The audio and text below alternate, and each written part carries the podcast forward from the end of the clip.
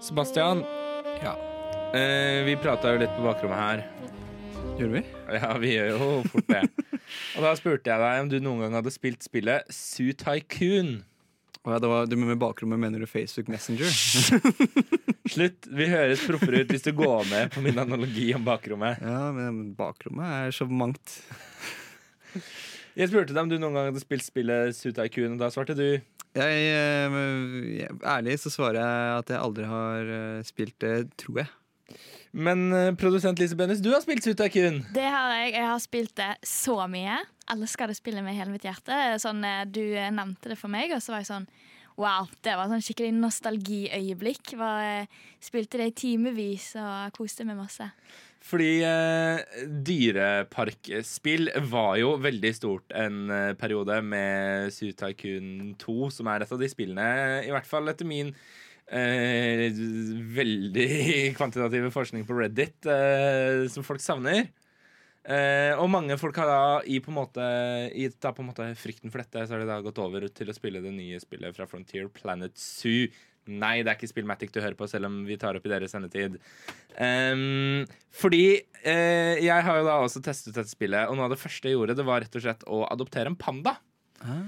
Ehm, men så uh, begynte jeg å uh, stusse litt, fordi det var liksom Sånne spill skal ofte være veldig realistiske, men det var noe som manglet. Jeg måtte ikke inngå en handelsavtale med Kina mm, angående uranium for å få denne pandaen. Og sitter du nå og tenker Hva er det du sitter og surrer med, radiomann?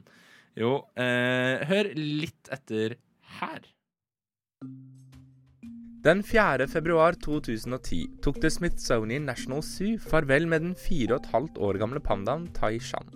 Avskjeden med pandaen, født i Dyreparken i 2005, var tårevåt, men markerte også et vendepunkt i forholdet mellom USA og Kina. Pandaer er nemlig ikke bare søte bjørner, de er diplomatiske verktøy. Men før vi snakker om diplomatiske verktøy, må vi snakke litt mer om pandaen. For pandaen er også et viktig symbol. I tillegg til å være søte bjørner, har de blitt nærmest synonyme med dyrelivsvern. Pandaen finner vi igjen i logoen til World Wide Fund for Nature, eller WWF, som vi kanskje kjenner dem best. WWF er verdens største organisasjon for miljøvern, og det er ikke helt irrelevant at de benytter seg av pandabjørnen i logoen. Det brukes nemlig mer penger, tid og krefter på å redde pandaen fra utryddelse enn noe annet dyr. Og hvorfor er det så viktig å verne pandaen? Vel, biologien har ikke akkurat lagt til rette for dyrets overlevelse. Har du sett et bilde av en panda noen gang, er det stor sannsynlighet for at den pandaen spiser. For pandaer, de spiser mye. Og selv om pandaen egentlig er kategorisert som en kjøtteter, spiser den hovedsakelig planter og nesten utelukkende bambus. Men fordi fordøyelsessystemet er tilpasset en kjøttpreget diett, sliter pandaen med å ta til seg næringsstoffene i maten, og den spiser derfor mellom 9 og 14 kilo bambus hver dag for å få i seg nødvendig næring. Tar vi inn i betraktning at store deler av pandaens naturlige habitat har vært offer for avskogning, blir det vanskelig for pandaen å få maten sin. I tillegg til dette er det utrolig vanskelig for pandaer å formere seg. Det er med andre ord ikke så lett å være panda. Ifølge tall fra 2013 levde det rundt 2200 pandaer i verden. Av disse levde nesten 400 i fangenskap, hvorav majoriteten levde ved ulike forskningssentre i Kina. Der forsøker de å pare pandaene for å sikre en stødig utvikling av antall individer, for så å slippe dem fri. Men mange av disse 400 pandaene lever også i dyreparker over hele verden. Og her kommer verdien deres som et diplomatisk verktøy inn i bildet. Vi skal snakke om pandadiplomati. Med unntak av to individer med bosted i Taiwan, er alle verdens pandaer eid av kinesiske myndigheter. Og pandaene vi finner i dyreparker over hele verden, er bare på utlån.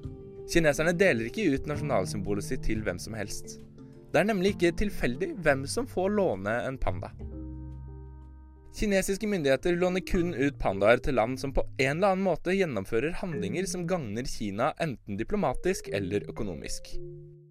Det kan være land de har gode handelsavtaler med, som Belgia, land som gir dem viktige ressurser, som Australia, eller land som på andre måter anerkjenner kinesisk politikk på verdensscenen, sånn som Finland.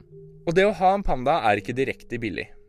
Ifølge rapporter fra amerikanske dyreparker betaler de en årsavgift på 1 million dollar per panda, og disse pengene brukes på pandaforskning. Men hva så med pandaunger født i fangenskap, slik som Taishan? Idet pandaen fyller fem måneder, er ungen å regne som kinesisk eiendom. Og Kina kan når som helst be om å få dyret tilbake. Dessuten stiller kineserne strenge krav til behandlingen pandaene får i dyreparken.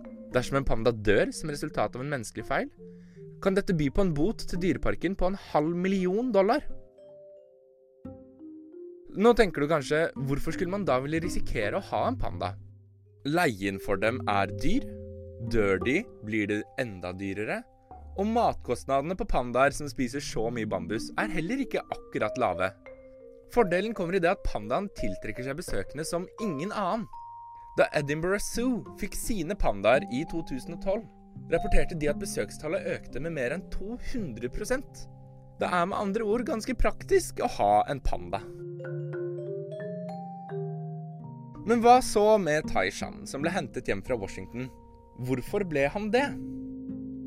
Dette er selvfølgelig usikkert, men det er spekulert i at dette hang sammen med at Barack Obama kun noen få måneder tidligere møtte Dalai Lama til stor kritikk fra kinesiske myndigheter. Men hva så med Tai Shans foreldre?